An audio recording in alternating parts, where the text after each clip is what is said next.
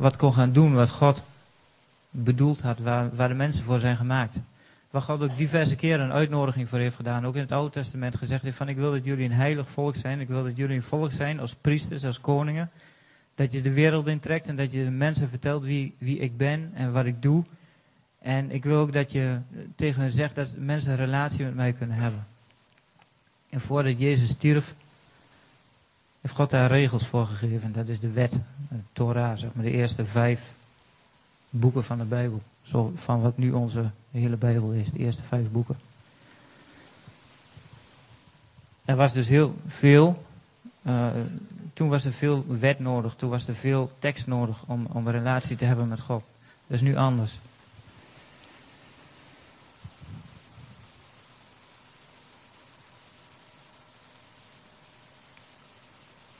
Dus één deel, een stuk van, het, van de reden waarom Jezus gestorven is, een stuk van de reden waarom het bloed van Jezus geplengd is, is dat het koninkrijk van God en het doel, dat is een beetje gelijk, het doel van ons leven, weer zichtbaar kan worden en kan gaan gebeuren.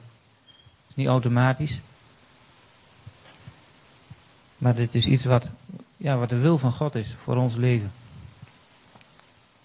Jezus die spreekt heel veel over het koninkrijk.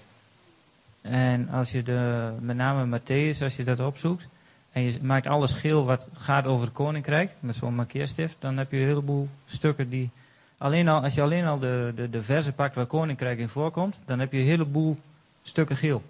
Op iedere bladzijde van Matthäus vind je dan één of twee uh, woorden, zeg maar, die erover gaan. Um, Jezus die heeft bijvoorbeeld ook in het Onze Vader gesproken. Zeg, Onze Vader die in de hemel zijt, uw naam worden geheiligd. En dan het eerste ding wat hij bidt, uw koninkrijk komen. Het is dus een heel belangrijk onderdeel van wat Jezus te zeggen heeft. En um, toen Jezus gestorven is en weer opgestaan was, kwam hij weer terug op de aarde en deelde die met zijn discipelen voordat hij zeg maar definitief um, uh, wegging naar de hemel. En dan staat er in Handelingen 1, vers 4. Ja? Uh, dat hij alles deelde met zijn discipelen aangaande het koninkrijk. Ik bedoel, de laatste woorden die iemand zegt voordat hij weggaat, zijn over het algemeen zijn belangrijke woorden. Zijn dingen die, die uh, daar gaat er eens over. Is wat je, wat je hart is. ik ga weg, ik zie je, ik zie je van aangezicht tot aangezicht, zeg maar, de hele tijd niet meer. En dan, dan wil ik nog de laatste dingen die, die mij bezighouden, wil ik nog met je delen. Dat deed Jezus ook. Hij sprak over alle dingen met zijn discipelen aangaande het koninkrijk staat er. Voor mij was, als je zegt koninkrijk, was voor mij een heel abstract iets. Zeg me niet zoveel. Ik weet niet wat voor lading of wat voor gevoel je daarbij hebt. Is het iets waar je altijd mee bezig bent? Is het iets wat je zegt van, oh, ik heb, lees het wel, maar het zegt me niet zoveel? Is het iets waar je van denkt, nou, dat is misschien voor later?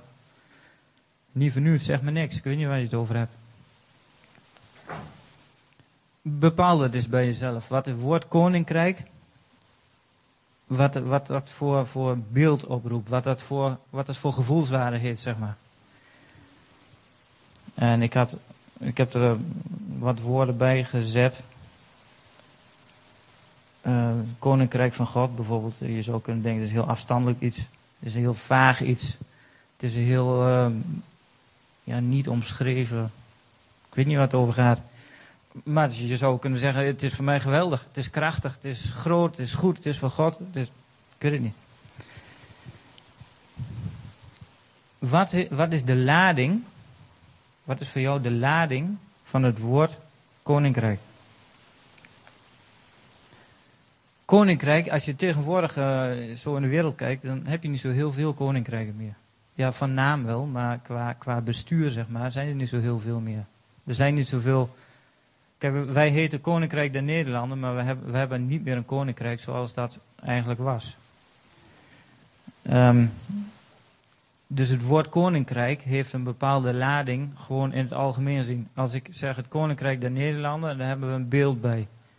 Als, als, je, als je een koninkrijk noemt, puur in de zin van koninkrijk, dus door een koning of koningin geregeerd iets, dan is dat best wel een autoritaire manier. puur koninkrijk dan. Hè? Dat is een autoritaire manier van leiding geven. Je hebt het over een heerser. Je hebt het over, als beeld, een beetje ouderwets. Je hebt het over ehm, misschien wel veel tradities. Voor ons is koninkrijk, koningin, er horen heel veel tradities bij. Dus niet zo'n zo'n sterke taak meer. Misschien heb je er wel een, uh, een idee bij van, uh, wij waren een tijdje geleden in Engeland en daar, daar ja, bewaren ze dat eigenlijk. De Engelsen zijn best wel van tradities. En als je kijkt daar naar uh, koningen, koninkrijk, heb je een beetje, misschien krijg je een beetje beeld van koning Arthur. Weet je wel, met die ronde tafel en ridders en eer en dat soort dingen. Dus ik denk dat het woord koninkrijk nu in deze tijd, dus tenminste laat ik voor mezelf spreken, daar is dat zo. Dat is een beetje een beeld van, ja, wij zijn een stap verder, weet je wel. Wij hebben democratie. Een beetje dat. Ik weet, ik weet eigenlijk niet of democratie wel zo'n stuk beter is dan koninkrijk, maar goed. Mag je voor jezelf eens over nadenken. In de dagen van Jezus, om het woord koninkrijk te snappen in de Bijbel, is het handig om even te kijken hoe het was in de dagen van Jezus. In de dagen van Jezus leefde iedereen met een verwachting van het koninkrijk. Voor iedereen die in Israël woonde, was het koninkrijk was iets wat zonder meer ging gebeuren. Iets waar, waar iedereen in verwachting van leefde. Ze waren allemaal in afwachting van het koninkrijk. Want, ze lezen in de Bijbel, en het begint al in Genesis, uh, even kijken, 49 vers 10 staat dat. De scepter zal van Juda niet wijken, noch de heerserstaf tussen zijn voeten, totdat Silo komt en hem zullen de volken gehoorzaam zijn. Nou, als je die tekst naar voren haalt, is best wel een goede reden om in het koninkrijk te geloven. De scepter zal van Juda niet wijken, noch de heerserstaf tussen zijn voeten, totdat Silo komt. En hem zullen de volken gehoorzaam zijn. Als je zo'n belofte hebt, heb je goede reden om te zeggen: Oké, wij leven in verwachting van dit koninkrijk. We, leven in verwachting dat wij zullen regeren over alle volken. Wij, totdat die Silo komt. Dat is dan Jezus. Daar waren die mensen mee bezig, maar de werkelijkheid was dat ze in onderdrukking waren door de Romeinen. En eh, dat er van het koninkrijk op dat moment, dat Jezus rondliep op de aarde, helemaal niet zoveel te zien was. Eigenlijk helemaal niks. En de mensen die daar leefden, die reageerden ook op, op verschillende manieren. Je had ook verschillende groeperingen in Israël die op verschillende manieren reageerden, mee omgingen, um, hoe het koninkrijk um, uh, ja, naar voren zou komen, zeg maar, hoe het koninkrijk zichtbaar zou gaan worden. En je had daar, um, je had daar zeloten. Dat, waren, was een soort verzetsgroepen. Zo als je Nederland vergelijkt, zou je zeggen een soort geuzen of een soort uh, verzetstrijdersachtige uh, actie. Een beetje guerrilla, uh, oorlogvoerende groep. Dan had je Herodianen en Sadduceeën. Deze waren mensen die werkten mee met de bezetter. Die, die Herodes, die koning, die werd ook ja, geholpen, ondersteund, op de plek gehouden door de Romeinen. En de Sadduceeën is eigenlijk de, de religieuze groep die daarbij hoort, zeg maar. Dan had je nog de Essenzen, als ik het goed uitspreek tenminste. Essenen misschien ook wel. Essenen, ja. Dat is een groep die, uh, die trok zich terug in de woestijn met name. Of in ieder geval terug, een beetje, die trok zich wat terug uit de samenleving. En die zei van nou, weet je, jullie doen maar lekker. Maar wij zitten in een soort van klooster, zeg maar. Wij trekken ons terug. Wij, doen, uh, wij wachten wel af hoe het afloopt. En uh, we zullen wel zien wat het wordt. Nou, en dan had je nog een groep, een religieuze groep, als bijvoorbeeld de fariseeën. En deze mensen hadden een beetje de, de gedachtegang, dat is wel vrij, vrij vrij vertaald. De gedachtegang van laten we meer heilig leven. Laten we meer heilig doen. Laten we meer heilig zijn. Laten we ja, de tiende van, uh, Jezus die zegt het ook tegen uh, jullie betalen de tiende van, van, uh, van, van de kleinste dingen betaal je nog de tiende. Zo waren ze daarmee bezig. En als ze dat doen, dan gaat het koninkrijk ook komen. En dat is een beetje de politieke ja, basis, zeg maar, waar Jezus spreekt over het koninkrijk. Overigens, op het moment dat je in die tijd begon te spreken over een koninkrijk, zijnde niet het koninkrijk van de Romeinen, van Caesar, dan was dat dan eigenlijk een open sollicitatie naar de kruisdood. Als, je, hè, als je levensmoe bent, moet je daarover beginnen. Over een ander koninkrijk dan het koninkrijk van, van uh, Caesar. En Jezus die, uh, ja, die gaat eigenlijk met hetgeen wat hij als je met dit in je achterhoofd, als je leest wat Jezus spreekt, dan zie je een aantal van die groepen en het denkbeelden zie je iedere keer terugkomen in wat Jezus zegt. Uh, bijvoorbeeld in de zaligspreking. De, als je daar staat als onderdeel van een groep en je hoort dat, dan zou je aangesproken kunnen voelen. Bijvoorbeeld zalig die, die hongeren en dorsten naar de gerechtigheid. Nou, als je zeeloot bent, zo'n zo'n zo'n uh, verzetstrijder, zeg hé, hey, dat is waar wij voor leven. Dat is wat we willen. Maar dan gaat verder. Zalig de vredestichters. Hé, hey, denkt die siloot. Ja, de vredestichters, niks vrede, oorlog. Maar de Herodianen en Sadduceeën zouden zeggen: Ja, wij vredestichters, ja, daar kan ik wel wat mee. Of uh, zalig de reinen van hart. Als je het fariseeën luistert, denk ik: Wauw, dat is goed. Maar die kan met die andere dingen weer weinig of niks. En dan zegt Jezus nog: Zalig de zachtmoedigen.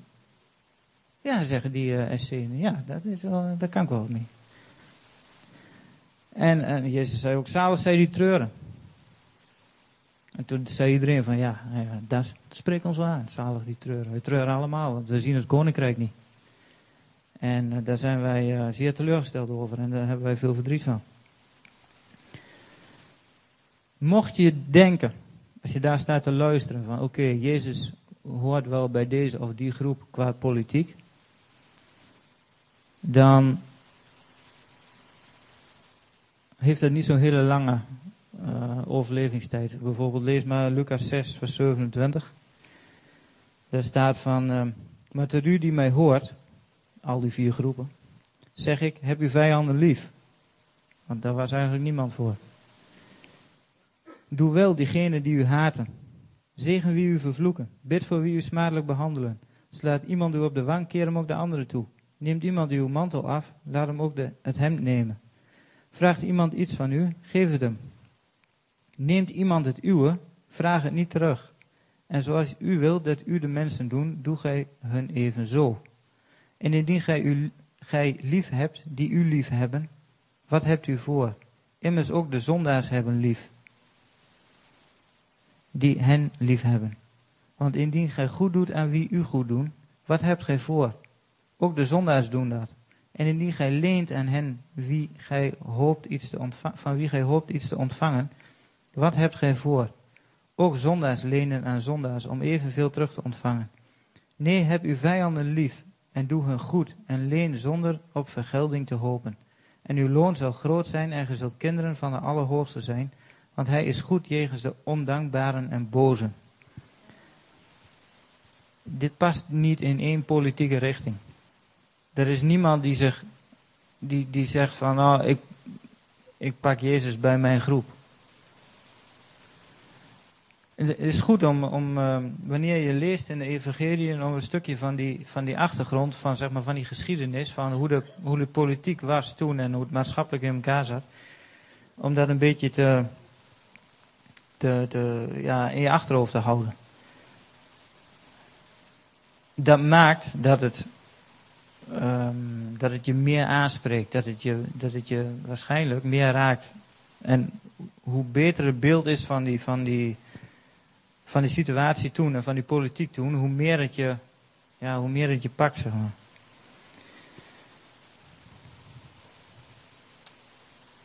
Jezus zegt dan, het koninkrijk is nabij gekomen. En het is toegankelijk voor iedereen. Het is dichtbij. Dit is absoluut, niemand had daar wat mee. Die zegt van, ben je niet helemaal, kijk eens om je heen man. Kijk eens om je heen, je ziet de Romeinen iedere hoek van de straat. Waar heb je het over? Wat nou dichtbij? Wat nou makkelijk binnen te gaan? Ik snap niet waar je het over hebt. Ook in, uh, ook in, de, in de keuze van de discipelen. En degene die discipel geworden zijn van de twaalf, zeg maar. Als je kijkt wat voor achtergrond deze mensen hadden. Er waren twee tollenaars bij zijn de Matthäus en Levi. Maar er was ook bij Simon met bijnaam de Zeloot. Deze kwamen ook uit verschillende politieke uh, partijen. In één, zeg maar, twaalfgroep. Om even zwart-wit te zeggen. Je spreekt over een, zeg maar tijd van de Tweede Wereldoorlog, een NSB'er. En een, en een verzetstrijder in één twaalfgroep. Daar, daar heb je het over. Dat is wat, hoe je het nu zou kunnen delen, kunnen zeggen. En op de een of andere manier heeft dat gewerkt. Ja, en dan had je ook nog een stelletje uh, agressievelingen erbij, Jacobus en Johannes. Die zeiden van, uh, heer, uh, zullen we donder en bliksem van de hemel af laten komen om iedereen te laten verteren die het niet met u eens is.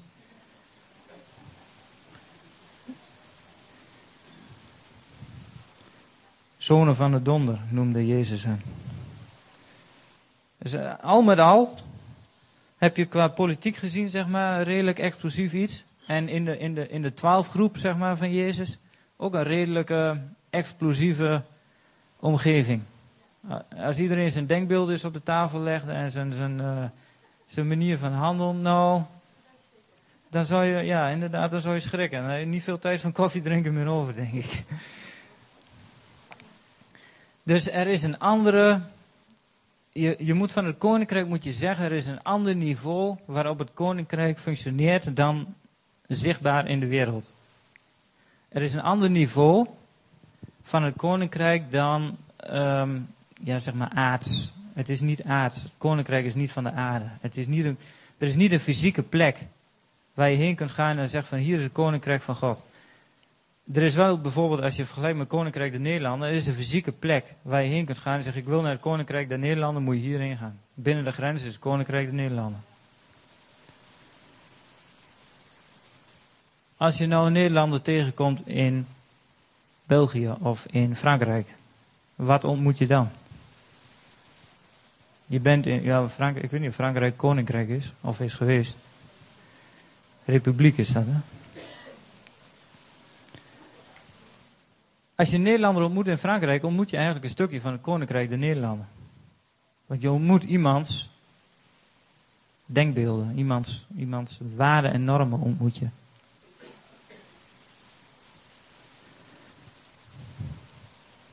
Dus dit, dit koninkrijk van Jezus is iets wat heeft te maken met je waarden en normen. Het is niet een fysieke plek. Um, je kunt wel de gevolgen zien van als iemand van het koninkrijk van Jezus of koninkrijk van God ergens is geweest. Voorbeeld, als ik ga naar Afghanistan en ik ga naar de plaats waar de legerplaats is van de Nederlanders die daar zijn, dan kan ik zien dat daar Nederlanders zitten. Want zo gauw je daar binnen loopt, dan herken je dingen. Voorbeeld, pot met pindakaas. Als je dat ziet, weet je zeker dat je Nederlanders in de buurt zijn. Kan niet anders. Muisjes, dropjes. Klompen, ja, misschien ook wel. Tulpen. Je komt een beetje stereotype uh, dingen tegen, die horen bij Paul Koninkrijk. Als je gaat naar een Franse legerplaats, het eerste wat je ziet is... Alpino petje en stokbrood. Franse kaas, ja. Dus je kan, je kan niet naar een fysieke plek gaan waar het koninkrijk van God is, maar je kan wel zien als er iemand is geweest die in het koninkrijk van God is. Want je zult daar mensen tegen, als je daarheen gaat, dan kun je mensen tegenkomen en zeggen: Hé, hey, ik ben genezen. Of ze zeggen: Hé, hey, ik ben bevrijd. Of ze zeggen: van, Hé, hey, er kwam hier iemand die heeft die goede dingen gedaan. Die heeft ons een pomp gegeven, nou, dat we nu ook water hebben. Of een weg, of een. Noem maar op, kan van allerlei dingen zijn. Je hebt ook van allerlei soorten mensen in het koninkrijk. Mensen die zeggen we bidden voor genezing, we bidden voor bevrijding, we gaan praktische dingen doen, we bouwen een school enzovoort en zulke soort dingen.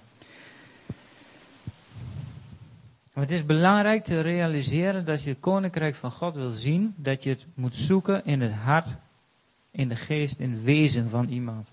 Niet wel als. Kijk, omdat iemands wezen is, zijn geest, verandert zijn ziel, zijn denken. En omdat je denken verandert, verandert je handelen. Maar het begint in je geest. als je opnieuw geboren wordt, dan zegt de Bijbel dat je een nieuwe geest krijgt. Deel daarvan is dat je deel wordt van een koninkrijk. Door het koninkrijk van Jezus. Koninkrijk van God. Omdat je een nieuwe geest krijgt, gaat die geest die gaat uitbreiden. En die gaat, je, die gaat ook het deel wat hoort in je ziel, je denken, je manier van denken, beïnvloeden. En omdat je anders gaat denken dan dat je deed, ga je ook andere dingen doen. En daardoor heb je andere resultaten. Dat is altijd de volgende. Andere, omgekeerd is nep. Als ik eerst andere dingen doe, dan ben ik niet echt. Als het niet overeenkomt met, met, met mijn geest en met mijn ziel, dan ben ik nep. En nep, nep ontdek je op een moment.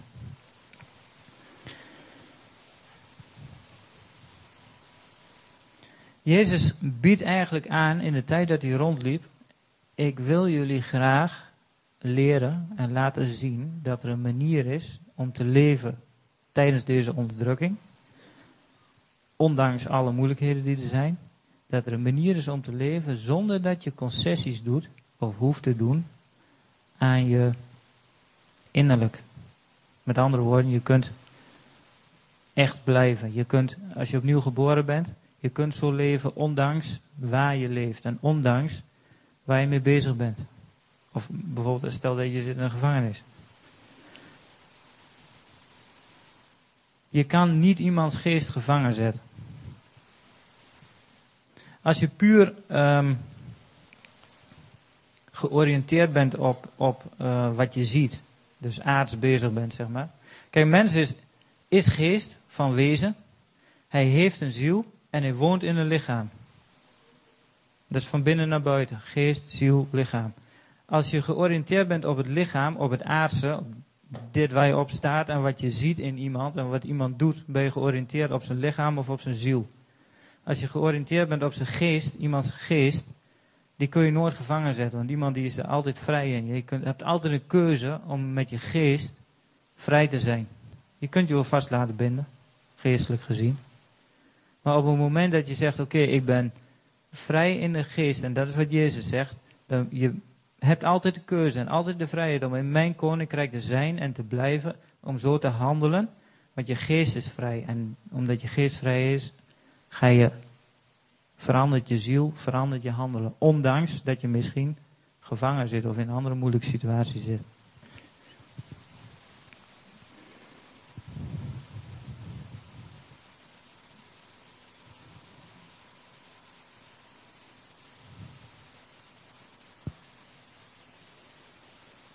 Wat zou een.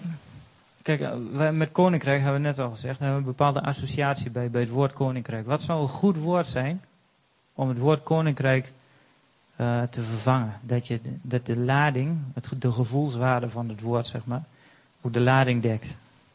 Nou, dan zou je kunnen zeggen. Um, revolutie van God. Revolutie heeft ook een bepaalde lading, is agressief. Missie van God. Voor mij een beetje een militaristische lading, een missie. Feest van God, zou je ook kunnen zeggen. Lang leven de lol. Een beetje die lading. Netwerk van God, zou je ook kunnen zeggen. Een beetje eh, klinkt maar als een manager, zeg maar in de oren. Die spreken over netwerken, computers. Je zou kunnen zeggen, het doel waarvoor God mensen heeft gemaakt. Of ik zou kunnen zeggen, de visie die God heeft voor mensen, de visie van God. Dat is wat ik uit wil leven. Je zou ook kunnen zeggen, de droom van God. God heeft een droom. God heeft een droom voor ons als individu, maar hij heeft ook een droom voor de wereld.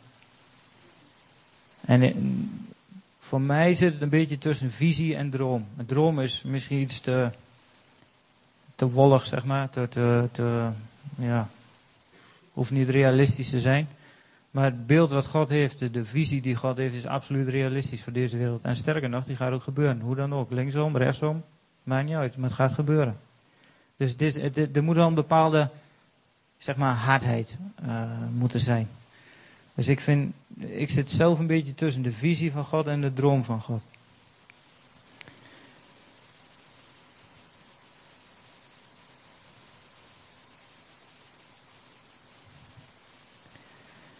tijdje geleden, vorige week of de week ervoor, als ik televisie kijken, zag ik een, uh, een optreden van André Rieu. Bekend allemaal? André Rieu. Iedereen kent André Rieu. Ja, die man met die soort van Ari, zeg maar.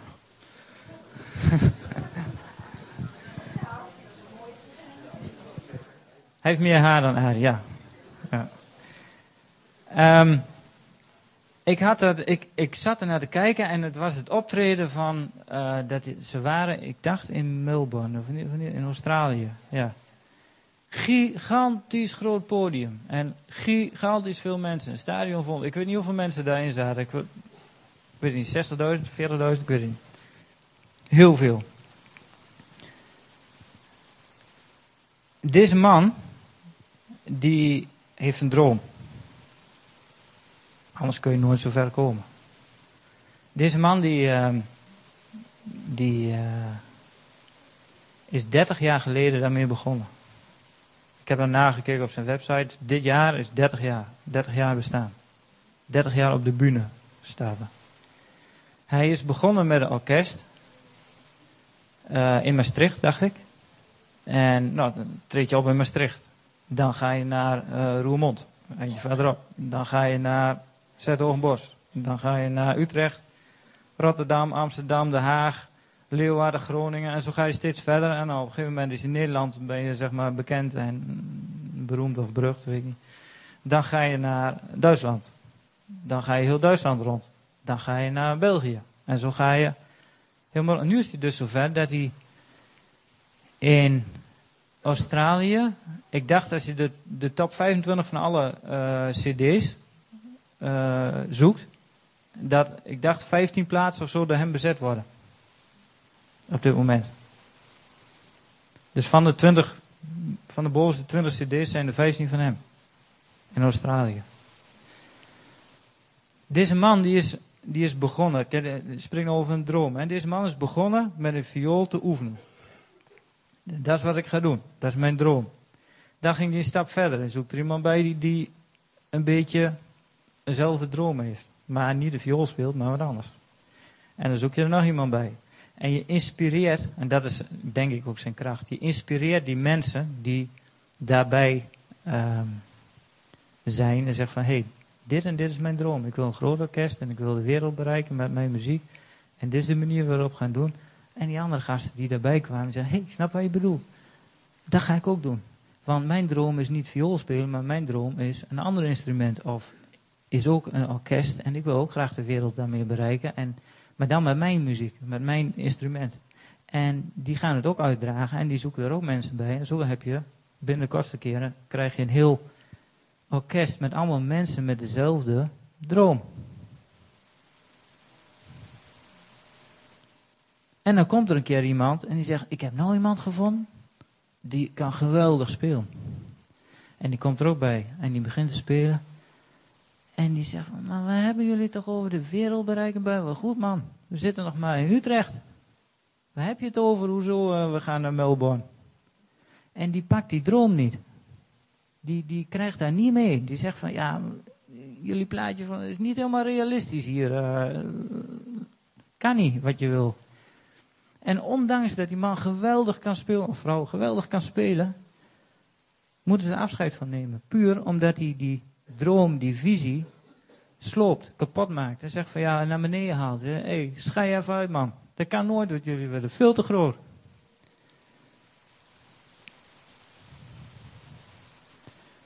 En uh, hij heeft, dacht, ik dacht dat hij twee kinderen had, dat weet ik niet zeker. Maar één van die twee, die, die zag je ook in die, in die film. En die, uh, dat is eigenlijk de ja, manager, weet ik hoe je het noemen moet. Maar degene, hij, hij gaat vooruit en hij, hij plant alle dingen, ook met transport en weet ik wat allemaal nog meer. En die zorgt dat er een podium komt te staan en een, een steiger en waar het podium aan kan hangen. Want ze hadden het grootste podium ter wereld gebouwd in, uh, in die stad. Groter dan de Rolling Stones. Bijvoorbeeld. En uh, de mensen die, uh, die daaraan meewerkten, En dat vertelde hij ook. Hij zegt, we sturen een tekening op van uh, dit en dat moet worden, wil je doen. Zegt ze beeld allemaal terug. Hij zegt, hallo, ben wel goed? Dit is groter dan we het ooit gedaan hebben. Weet je wel wat je, weet je, wel wat je aanhaalt? Ja, we snappen wel wat je bedoelt. Ja. Dit is wel de bedoeling. Dit gaan we wel doen. En dat is ook gebeurd. En op een gegeven moment zag je ook iemand die, die, uh, die kwam hier een fontein of weet ik veel wat brengen. Zoiets. In ieder geval een ding wat, wat, of waar vlammen uitkwamen, ik weet het niet. Maar in ieder geval, was, de, maat van het ding was veel te klein. Paste niet bij de visie. Paste niet bij, het, bij de grootte van het podium. Van, bij de grootte van, de, van, van het beeld wat ze wilden maken. Je hebt er zeg maar een kasteel zo groot als hier, de hele, zover als je kijken kan. En dan kwamen vlammen van dit. Terwijl je vlammen moet hebben die hoger zijn dan het dak. Zeggen, hé, hey, jouw ding is wel goed, maar past niet meer bij onze droom. Dus die werd, ja, zegt van, ga niet meer. Past niet meer. Um, later kwam die, die jongen die kwam naar voren, kwam tevoorschijn. En het viel mij op dat die jongen die wist precies wat zijn vader wou. Die jongen was altijd meegegaan natuurlijk naar, naar uh, optredens en dat soort dingen. En die jongen die wist precies van, hé, hey, dit vindt anderen, zei hij ook, dit vindt, zou anderen niet goed vinden. Dit zou hij wel goed vinden. Dit is wat hij wil, dit is wat hij niet wil. En uh, zijn vader die kwam er ook de eerste keer kijken bij, de, bij het podium. En hij zei, wow, ja, heb je goed gedaan. Dit is precies wat ik, wat ik bedacht had. Dit is precies wat ik wil. Dus zeg maar door, en daar gaat het mee om, door hun relatie, door wie ze zijn, door hoe ze met elkaar communiceren, doordat ze al die tijd met elkaar hebben omge, uh, doorgebracht, weten ze precies wat de een kan, wat de ander kan, wat de een wil, wat de ander wil. Um, en is het voor hun. Ik kan zeggen, ga maar naar de volgende stad, bouw podium weer op, je weet wat ik wil. Ja, maar ik heb niet een dik boek waar het allemaal in staat. Ze, zeg maar, ze handelen allebei in dezelfde geest. Dat is eigenlijk het punt. Dat, dat punt wil ik maken. Dat, pak je dat? Ze handelen in dezelfde geest. Ze handelen op dezelfde. De, kijk, in het Oude Testament, om overstap te maken, in het Oude Testament zie je een wetboek. Boom, zo'n dik boek, dit moet je doen, bam. Daar ligt het. Als je het niet doet, mis. Ga je naar het Nieuwe Testament, zegt God, ik geef je mijn geest. Ik geef je mijn manier van denken. Snap je? Als die andere Rieu op pad gaat, dan heeft hij vast wel een boek waar wat in staat, maar ik denk niet dat ieder ding erin staat. En dat is helemaal niet naar zijn zoon toe. Hey jongen, je weet wat ik wil, je weet wie ik ben, je weet hoe ik, hoe ik ga, je weet wat ik apprecieer, je weet wat ik absoluut niet wil hebben. Niet als wetten en regels, maar in de geest. Dezelfde manier van denken. En die jongen die, die pikt dat automatisch op. Die zegt, hey, dit is wat anderen niet goed vinden. Dit is wat hij wel goed vindt. Hier zal hij opgewonden over zijn. En daar wordt hij absoluut niet blij van. Dus dat doen we weg. Simpel. Zo is het ook wanneer je leeft in het koninkrijk. Wanneer je rondloopt in het koninkrijk van God.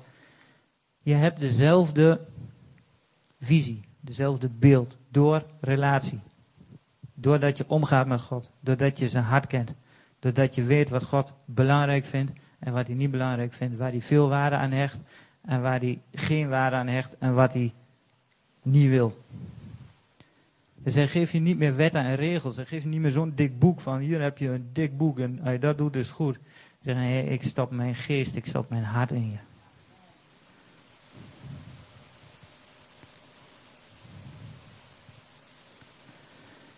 Dat geeft je aan de ene kant, zou je denken, geeft me heel veel vrijheid.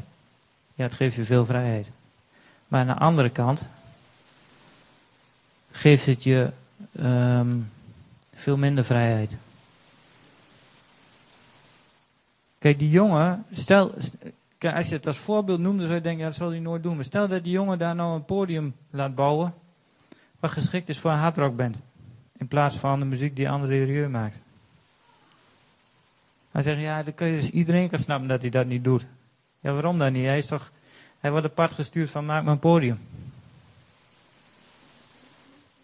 Iedereen snapt dat hij dat niet doet, omdat dat niet, dat past niet, dat doe je niet. Dat gaat niet, dat hoort niet bij elkaar. Nou, ik doe wel vaak, of ja, ik doe nog wel eens dingen waarvan mijn vader zegt, hoe kun je dat nou doen? Dat past toch niet bij mij, man? Zo ben ik niet. Maar je laat je, gaat niet. En dan komt er niet een wet bij die zegt van, hey, dit moet je wel doen en dat moet je niet doen. Maar, maar ik kan er niks mee. Dit, is niet iets van mij. Snap, snap je wat ik bedoel? Oké.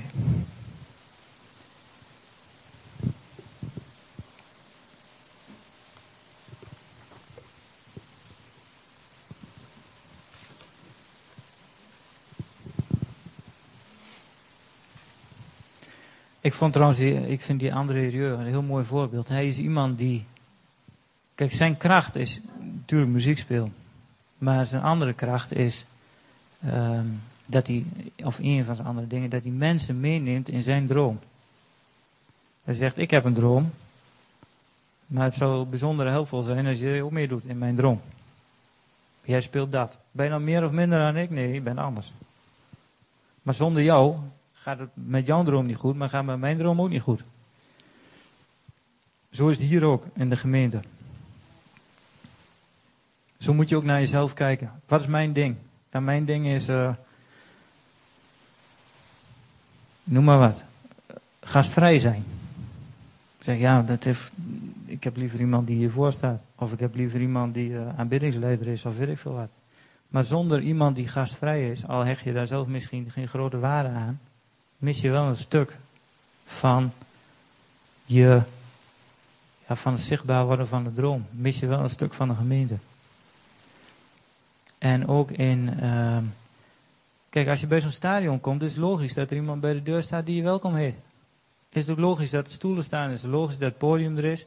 Is het logisch dat er een, een steiger achter staat om het podium vast te houden, zo onwijs groot, dat daar misschien wel 30, 40 man aan gewerkt hebben?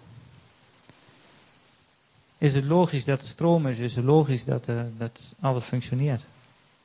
Maar er zijn heel veel mensen nodig om zo'n hele grote droom zichtbaar te maken. Maar als er ook, stel er vallen er twee uit en die worden niet, er komt niet een ander voor in de plek. Dan heb je een optreden waar we dan markeert. Dan, dan, dan gaat het niet goed. Bijvoorbeeld iemand die, eh, dat gebeurde namelijk, die uh, heeft een aggregaat bracht hij. En die werd uh, aangezet. En die deed het, weet ik het, een uur of anderhalf uur. En toen was het over. Kapot. Um, twee uur voor het optreden of zo kwam er een nieuwe. Iemand heeft zijn ding niet goed gedaan. En die aggregaat die gaf het op. En ja, als je overstapt naar een gemeente. is belangrijk dat iedereen zijn, zijn ding doet. Maar wat is je droom? Wat is je wat is waar je voor wil gaan?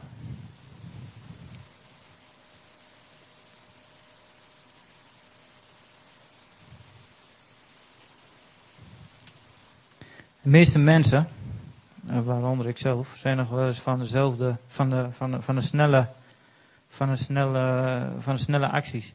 Deze André Rieu, die heeft dit jaar 30 jaar op de bühne gestaan.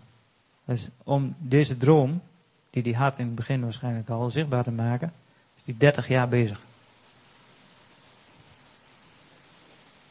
Met alles wat hij had, met alles wat hij deed. Alles werd geplaatst voor de droom. Alles ging, moest meewerken voor de droom. 30 jaar lang.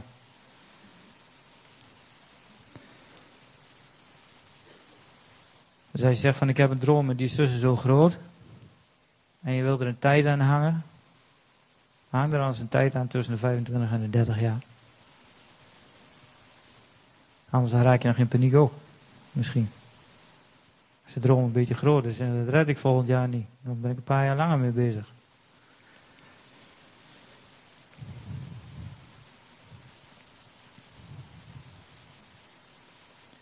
Wat Jezus leerde in de tijd dat hij hier rondliep op de aarde, zei ik al, was, als je het terughaalt, zou het volgens degenen die dat nagekeken hebben, 80% van de tijd gaan over het koninkrijk en daarmee aanverwante dingen. Dus over de droom van God en over de visie van God voor ons persoonlijk en ook voor deze wereld.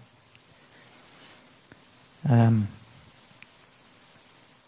en Jezus die geeft ons niet een wetboek, maar hij geeft ons zijn geest. En wat hij neerlegt in de, in de Bijbel, wat hij sprak, zijn eigenlijk een aantal principes.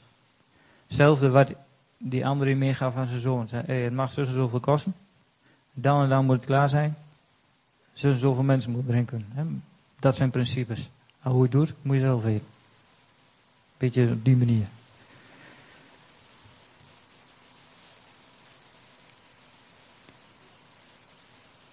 En Jezus zegt eigenlijk, ik wil graag dat mijn koninkrijk, dat mijn wil gedaan wordt op de aarde. Ik wil dat mijn koninkrijk zichtbaar wordt. Ik wil dat, uh, dat in jouw leven en ik wil dat op de aarde. En ik geef je een aantal principes. En uit die principes, iedere ding wat jij doet, heeft ook consequenties. Dat is eigenlijk wat hij zegt. Als je het goede kiest, heb je goede consequenties. Kies je verkeerd, heb je verkeerde consequenties. Dingen waar je, waar je mee komt te zitten, waar je spijt van krijgt en waar je het moeilijk mee krijgt. Dingen die, waarvan God zegt, dat zijn dingen geweest, je hebt conclusies getrokken die niet zijn naar mijn hart. Of je hebt, je hebt dingen uitgevoerd die niet zijn naar mijn hart. En je hebt keuzes gemaakt die niet zijn naar mijn hart, niet naar mijn geest. Ik um, heb, ben bevoorrecht dat ik uh, uh, op het moment uh, één stagiaire heb die een beetje mag begeleiden.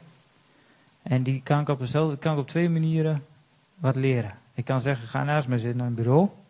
Kijk wat ik doe. En dat gaat dan in de bouw. Ik werk in de bouw. We maken een bouwwerk.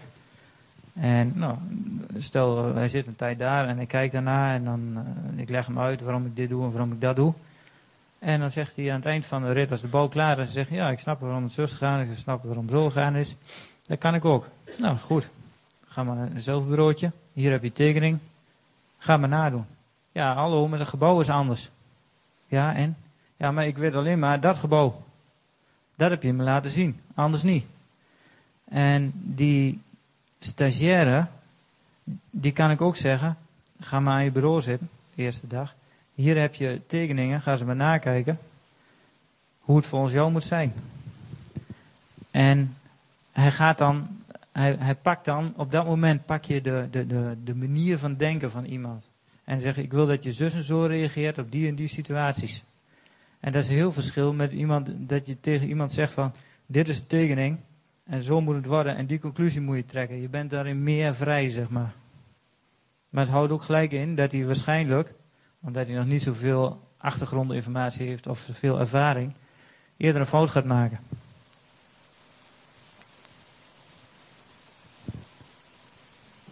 Maar God zegt eigenlijk tegen ons: Ik geef jullie. Ik heb liever dat jullie vrij handelen naar mijn geest.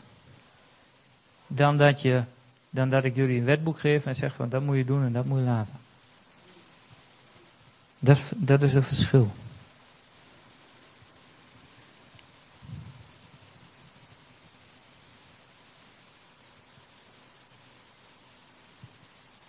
In opvoeding kun je het ook doen met je kinderen. Um, je, kan, je kan ze een wetboek geven. Dit mag wel, dat mag niet. Je kan ook zeggen, als, je zo, uh, hè, als een bepaalde situatie heeft plaatsgevonden, zegt, dit, dat gaat niet goed zo. Hè? Nee, dat gaat niet goed. Doen we dus niet weer. Nee, doen we niet weer. Dat is een meer veel vrijere manier.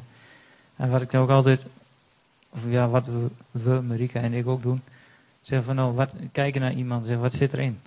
Wat is, wat is het wat God erin heeft gelegd? En je ziet bijvoorbeeld, uh, hebben jullie allemaal kunnen zien bij Merel bijvoorbeeld, die houdt van dansen. Wat kan ik doen um, om dat te stimuleren? Ik kan mezelf dansles geven. Niet een goed idee. Echt niet. Maar ik kan wel iemand zoeken die dat kan. Dus dat doen wij dan. We breng, dan ga je daarheen brengen. En we zien wat God in je heeft gelegd. En dat gaan we op die manier gaan we dat stimuleren, gaan we dat naar voren halen. Zie, dan help je iemand om later meer vruchtbaar, naar alle waarschijnlijkheid, te zijn in het koninkrijk van God. En makkelijker het doel te bereiken wat je wil. En wat God wil voor iemand. Dus als je zo naar iemand kijkt, kun je hier in de gemeente ook doen, hè? gewoon als je rondloopt. Naar iemand kijkt en zegt van, hé, hey, ik zie in jou dat God dat en dat in jou heeft gelegd. Met andere woorden, als je teruggaat naar dat, naar dat orkest. Ik zie in jou een uh, licht. Iemand die uh, geschikt is om, om het licht uh, te bedienen en dat te ontwerpen. Het alles er mooi uitziet. Dan ga je zo iemand op die, die dingen leren. Je gaat hem bij ons heen sturen van ga, ga maar naar die, die is beste. Ga daar maar leren. En als je het daar geleerd hebt, kom terug, ga je het hier doen. Snap je? Dan help je iemand om in zijn bestemming te komen.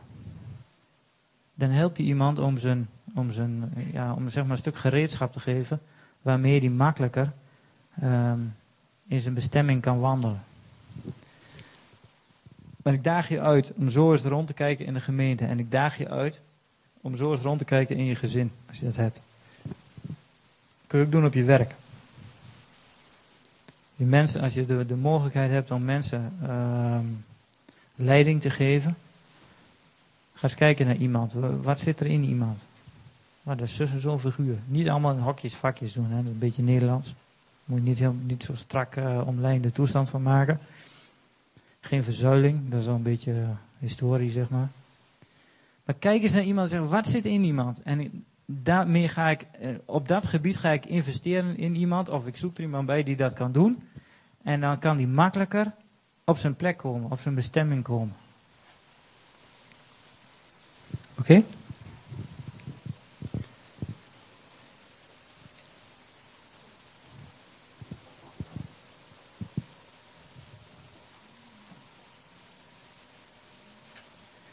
Jezus die zegt nog, eh, ook aan het eind van uh, Johannes staat, Johannes 14 vers 20 bijvoorbeeld. Te dien dagen zult gij weten dat ik in mijn Vader ben en gij in mij en ik in u. Op dat moment zul je weten dat ik in mijn Vader ben en gij in mij en ik in u. Wat betekent dat?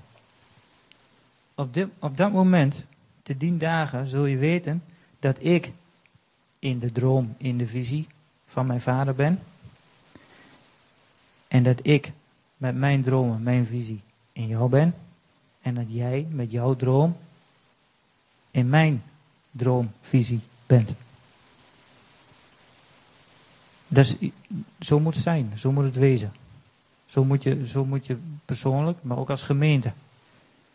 Op het moment dat de vader in de zoon is, met zijn droom, dus de zoon die voert uit wat de droom van de vader is. Hetzelfde als in het uh, orkest. Dat is zo. Dat is bij God de Vader en Jezus is dat zo. Dat is exact gelijk. De droom van God is Jezus. En wat Jezus doet, is God. Het is precies gelijk. Als wij wandelen op de juiste wijze, is wat Jezus gedaan wil hebben nu op dit moment, wat wij doen nu op dit moment. En wat wij doen nu op dit moment is de droom van Jezus.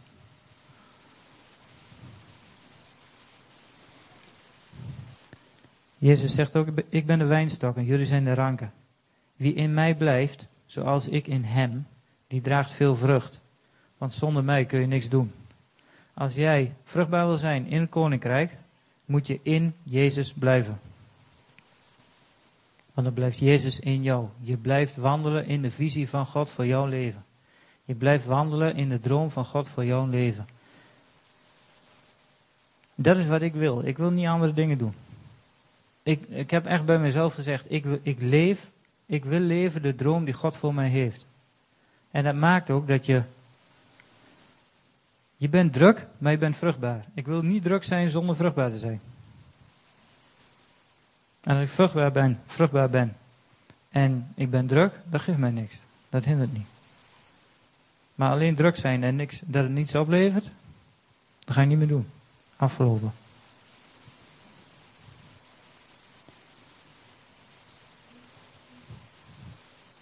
Blijf in mijn geest bezig, zegt God, zegt God de Vader. Blijf in mijn geest bezig. Doe zoals ik doe. Denk zoals ik denk. En zolang je in mij blijft, blijf ik in jou. En zal de droom als resultaat, wordt de droom van God gebouwd, zichtbaar op de aarde. De visie van God wordt zichtbaar op de aarde. Maar mijn visie ook, want die is gelijk. Oké? Okay. Kijk, dit is ook geleerd in Engeland. daar zeggen ze van, ik zie dat God dat en dat in jou gelegd heeft. Zou je zo vriendelijk willen zijn om dat te gaan doen? Nu, hier. Daarom heb ik Marieke gevraagd. Ze wil jij wat delen. En ik moet even haar introduceren. Zij is in de eerste plaats mijn vrouw. En uh, we, hadden, waren gisteren in uh, Rotterdam.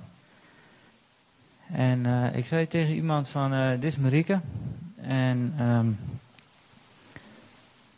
als, er, um, als je een probleem bent op de weg van Marieke, waar zij, die zij tegenkomt, een probleem wat Marieke tegenkomt, dan heb je als probleem een probleem. Want dan ga je niet overleven. Snap je wat ik bedoel? Als probleem, als je een probleem bent op de weg van Marieke, waar Marieke langs moet, en jij staat als probleem in de weg, moet je je voorstellen, hè? je loopt over een pad, boem, probleem. En stel, ik ben Marieke, dan heb je als probleem een probleem. Oké? Ja, hij, hij bedoelt dat niet persoonlijk. Dat als jij. Jij bent. Dat komt een beetje ongelukkig over. Maar hij bedoelde, hij bedoelde gewoon, hij zei. Als, er een, als jij een, pro, als je een probleem op de weg van Marieke. gaat het niet overleven. Dat was een compliment voor mij, was dat. Dit is uh, alleen geestelijk te verstaan. Hetzelfde als koninkrijk. Oké, okay, ik neem even een slokje water, want ik kom aangerend van uh, boven. Waar ik een stukje van mijn droom beleef.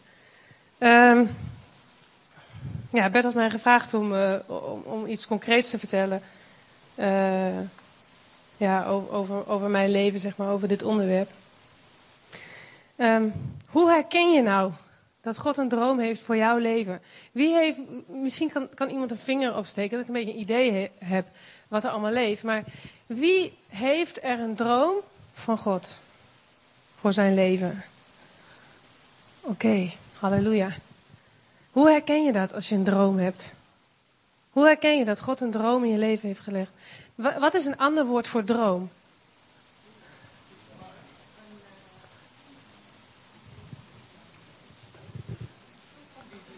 Ja, een visie. Maar dat is een duur woord. Dat is, klopt hoor, visie. Heel veel mensen zeggen, ja, God heeft een plan voor je leven. God heeft een visie voor jij hebt een visie voor je leven. Maar een droom voor mij, um, dan zeg ik, oké, ik ben aan dagdromen. Dat, uh, dat, dat, dat uh, zegt iets over verlangen. Ik heb een verlangen. En in de Bijbel staan twee psalmen, psalm 37 en psalm 20. En dat spreekt over de verlangens die God in jouw hart heeft gelegd. En hier hebben we het heel vaak over, want dit is namelijk heel erg belangrijk. Wie heeft er verlangens in zijn hart? Gewoon even puur verlangens. Oké. Alleen jullie maar. Wie, wie dagdroomt er? Wie heeft er verlangens? Wie heeft er. Wie droomt er over bepaalde dingen? Oh, dit zou ik toch zo graag eens willen doen, hè? Oh, wie heeft er dromen of verlangens? Wat je met niemand durft te delen, omdat ze gewoon zo groot zijn. Of als je ze deelt met iemand, dat je je gewoon, je schaamt je gewoon, weet je wel, want dan ben je niet meer zo nederig. Als iemand mijn droom zou weten, waar ik over droom, als ik gewoon helemaal alleen ben, dan zou ik me kapot schamen. Niemand mag dat weten. Wie heeft dat wel eens? Dat heeft niks met dingen te maken waar je voor zou moeten schamen, die je niet zou mogen doen. Maar dan ben je bang voor wat andere mensen van je vinden. Heb je dat? Dat je denkt, ach, als ik dat zou delen, zou iemand zeggen, wil jij een opscheppen, zeg? Zo'n droom had ik. Dat wil ik aan jullie vertellen. Ik had zo'n droom. Zes jaar geleden, toen ik tot geloof kwam, begon ik te dromen. Dat ik voor grote zalen ging spreken. En dat ik heen en weer liep. En dat ik vol passie en vol vuur, net als Joyce Meyer, ging spreken, weet je wel. Net zo gevat.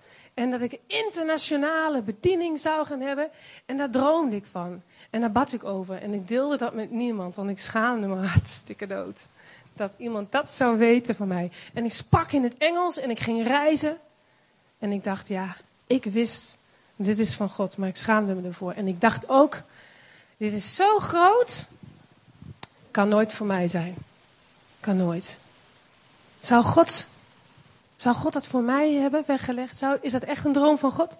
Of is dat iets wat ik gewoon zit te fantaseren? Hoe kom je daar nou achter? De Bijbel zegt, verlustig je in de Heer. Dan zal Hij geven de verlangens van je hart. Dat heb ik geleerd, ergens onderweg. En ik verlustigde mij in de Heer. Dat doe ik nog steeds.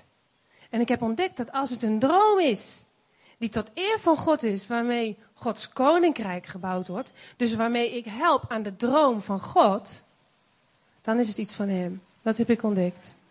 En dan ben ik gaan uitstappen, want dat doe je dan als je een droom hebt. Ik ben gaan uitstappen. Weet je hoe? Ik heb gewoon een klapblok gekocht. Maar dat was een bijzonder klapblok. Dat was het klapblok of het schrijfboek waarmee ik begon aan de preken die ik ooit zou houden in een ander land, in een andere taal. En toen werd ik een keer gevraagd om in Doetinchem voor vrouwen te spreken. Kwamen er acht vrouwen of zo. en ik was zenuwachtig. Ach man, wat was ik zenuwachtig. Maar ik ging het wel doen. En ergens onderweg werd ik zo ongeduldig. En dan, ik zat op de realiteit was dat ik thuis, ik was moeder, ik was huisvrouw. Ik had geen baan. En ik zorgde voor Samuel, die was toen de jongste. En ik, ik, ik deed dus niet anders als ja, de huishouding. En, uh, en, en, voor Samuel zorgen en de andere kinderen. Voor de was en zo. Maar als ik dan alleen was, dan had ik... Uh, op een gegeven moment kregen we een schotel. En had ik de God Channel aan. En ik leerde Engels. Ik leerde heel goed Engels, want ik ging gewoon spreken. Ik werd zo gevuld door de Heilige Geest, wat ik hoorde. Dan ging ik dan spreken en dan was ik de bedden aan het opmaken en dan sprak ik in het Engels. Heel vurig. Er was niemand die mij hoorde. Later hoorde ik dat er wel meer mensen zijn die dat zo doen, die dat zo oefenen. En toen kwam de dag dat ik voor het eerst op reis ging. Dat weten jullie allemaal, dat ik naar Afrika ging. Doodeng. Maar ik ben wel gegaan en het was hartstikke goed.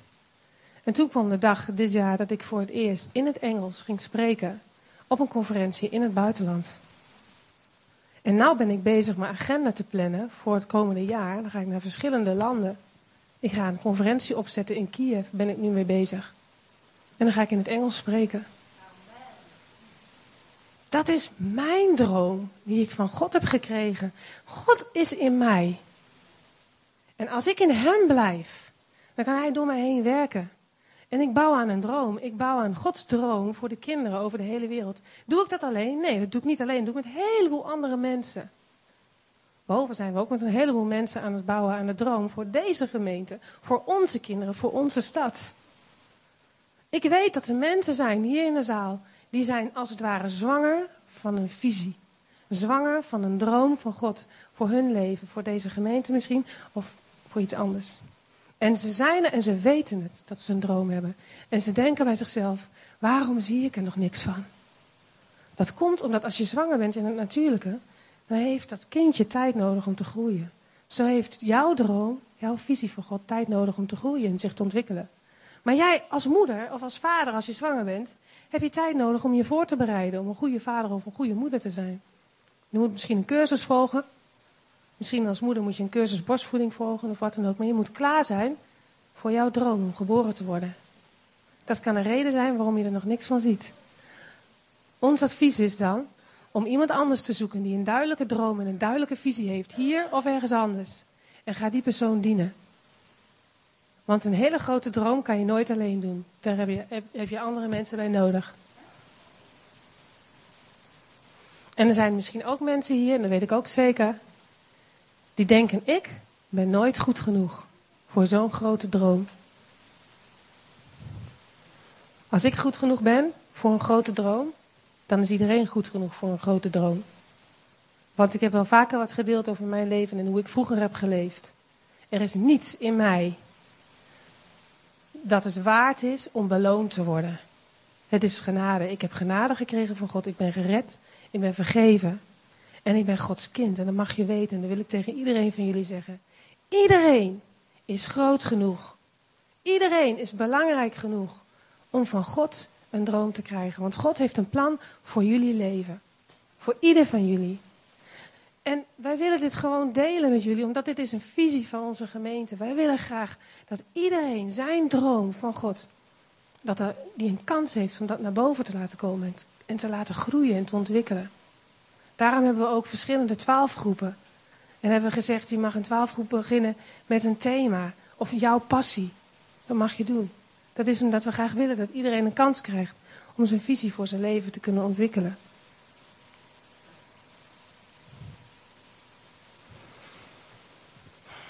Er was nog iets wat ik wou zeggen en dat weet ik niet meer. Ben ik nu weer kwijt.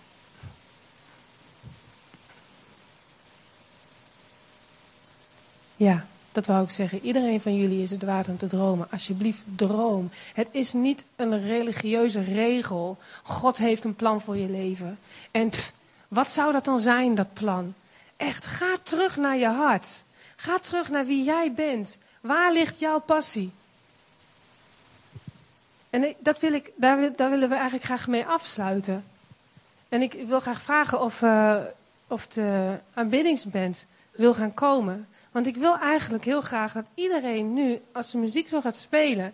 Ik heb, ik heb jullie aanbiddingsdienst maar een heel klein stukje van gevolgd. Want ik dacht, nou, ik kies een lied uit wat, wat ze dus al hebben uh, gezongen.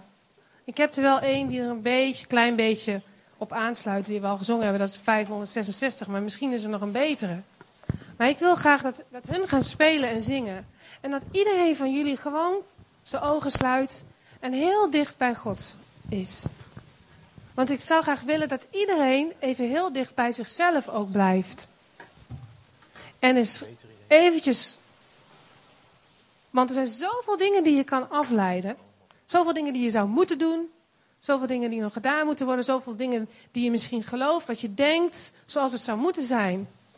Maar God wil dat je terug bij jezelf. Jij bent uniek. Er is niemand anders die een schakel kan zijn van God dan jij alleen. Want jij bent uniek. God heeft een plan voor jouw leven. En dat ontdek je alleen maar als je weet waar jouw passie ligt. Waar jouw verlangens zitten. Wie jij bent. En dan ga ik vragen, en ik weet zeker, want God is trouw. Dit is helemaal een gebed naar zijn wil. God heeft zo. Er was, boven was er een kind die zag uh, een man met vuur. Toen we vroeger de Heilige Geest uitnodigden. En met elkaar zeiden we: God wil ons hart in brand zetten. Zoals Gods hart brandt voor de mensen die hem nog niet kennen. En de sleutel voor jouw hart om in brand te staan voor God is de passie en de talenten die God aan jou persoonlijk heeft gegeven. Die moet je naar boven laten komen. Ik weet zeker dat ieder van jullie een droom heeft of een verlangen. Sluit je ogen maar.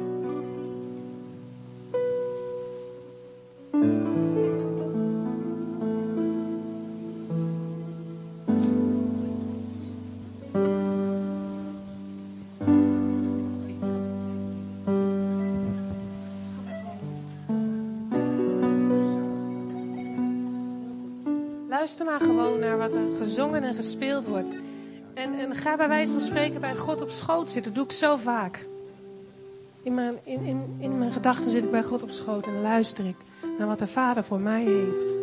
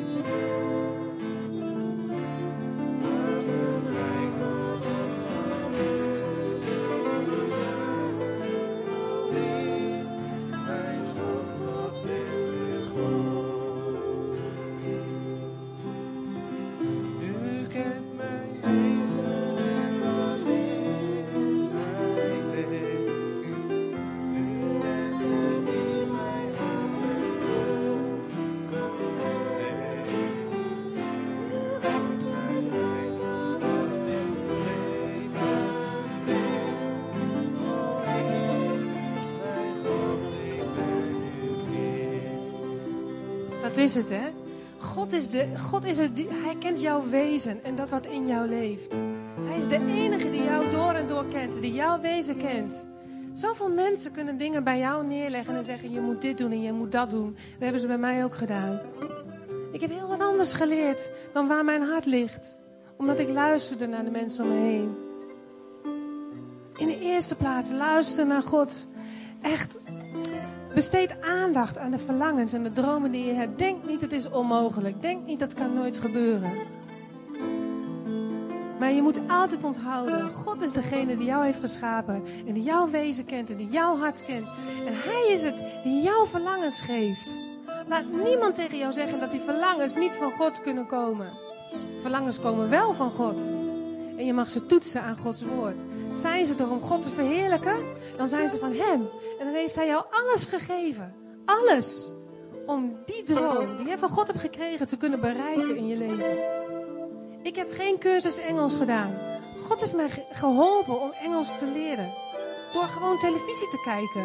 Dat is niet religieus. Maar God heeft me wel geholpen. En zo gaat Hij ieder van jullie helpen. Mogen we gewoon voor jullie bidden? Iedereen die dat gevoel heeft van, ah, ik ben niet goed genoeg. Of, ah, die verlangens die zijn niet van God. Of ieder die het gevoel heeft nu dat er iets heel van heel lang geleden, misschien in je herinnering, misschien wel van 20 jaar geleden, wat naar boven komt, nu op dit moment. Dan wil ik vragen, dan mag je gewoon gaan staan op de plaats waar je bent. En dan vragen we dat God je aanraakt. En dan wil ik voor ieder van jullie bidden. Vader, Raak iedereen aan zoals die hier zit. Laat een ieder van hen nu weten dat ze een uniek schepsel zijn, een uniek kind van de Vader. En dat u zo'n geweldig plan heeft voor het leven van iedereen zoals ieder hier zit. Wees niet ontmoedigd. Denk niet, ik ben te oud. Wees niet ontmoedigd en denk niet, ik ben te jong. Of ik heb geen opleiding gehad. Of ik kan nooit meer veranderen. Denk dat niet. Bij God zijn alle dingen mogelijk. En als wij onze tijd en onze energie en ons leven en onze toewijding aan Hem geven. Met andere woorden, als wij ons verlustigen in Hem. Dan zal Hij jullie geven de verlangens van je hart. Vader, ik bid in het bijzonder voor de mensen die nu zijn gaan staan. U heeft hen verlangens gegeven. En we spreken uit, we proclameren over hen, Vader. U heeft een hoopvolle toekomst voor al deze mensen die zijn gaan staan.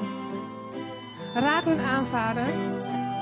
Wilt u elk talent en elke gave naar boven brengen in hen en in ontwikkeling brengen? Heer, al die mensen die zwanger zijn van uw droom of uw visie voor hun leven, Vader. We bidden u dat u dat zaad ontwikkelt en laat groeien. En dat het op uw tijd gezond geboren gaat worden. In de naam van Jezus. Dank u wel, Vader, voor uw trouw. Dank u dat u niet een religieuze God bent, maar dat u een liefdevolle God bent.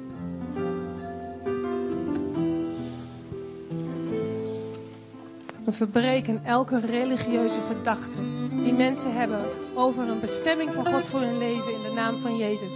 En ik spreek vrijheid uit over de gemeente.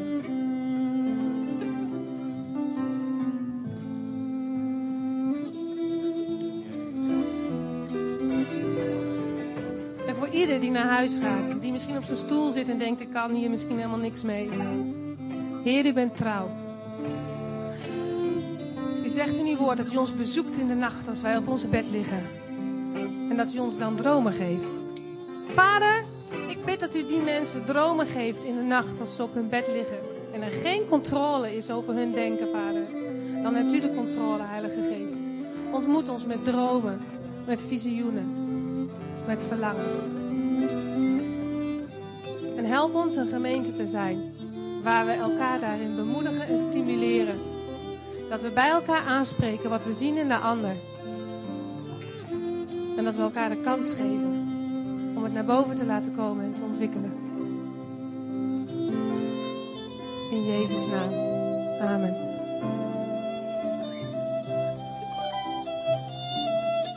We gaan de dienst afsluiten. En natuurlijk, als er mensen zijn die gebed nodig hebben, dan mag je naar voren komen. Maar we willen één lied zingen.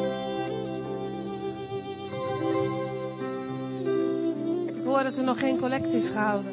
We gaan één lied zingen. En dan mag iedereen naar voren komen om zijn gaven te geven voor God. En dan sluiten we af.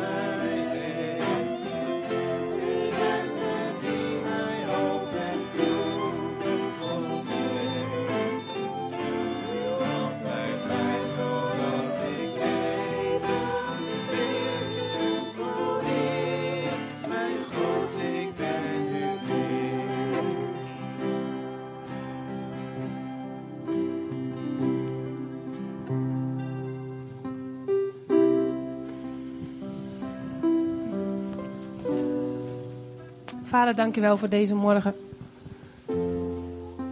Dank u wel dat u uw gemeente zijn, Heer. Dat we u alle lof en eer mochten brengen. Met onze hart, met onze woorden, met wat we hebben gehoord, met de beslissingen die we in ons hart genomen hebben. Vader, we bidden, net als wat we bij de kinderen hebben gedaan vanmorgen. Zet u ons hart in vuur en vlam, Heer. Zodat we deze stad en ons land kunnen bereiken met uw liefde.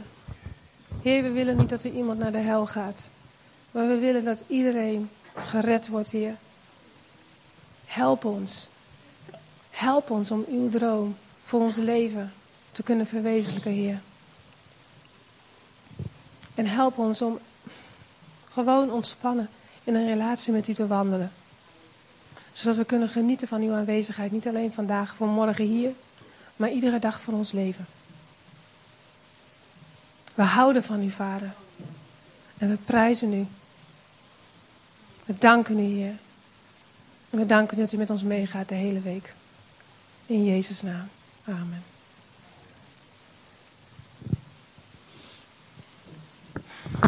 Wel thuis allemaal. 553 misschien? Dus laatste steek.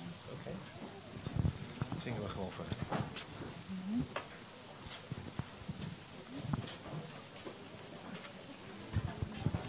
Mhm.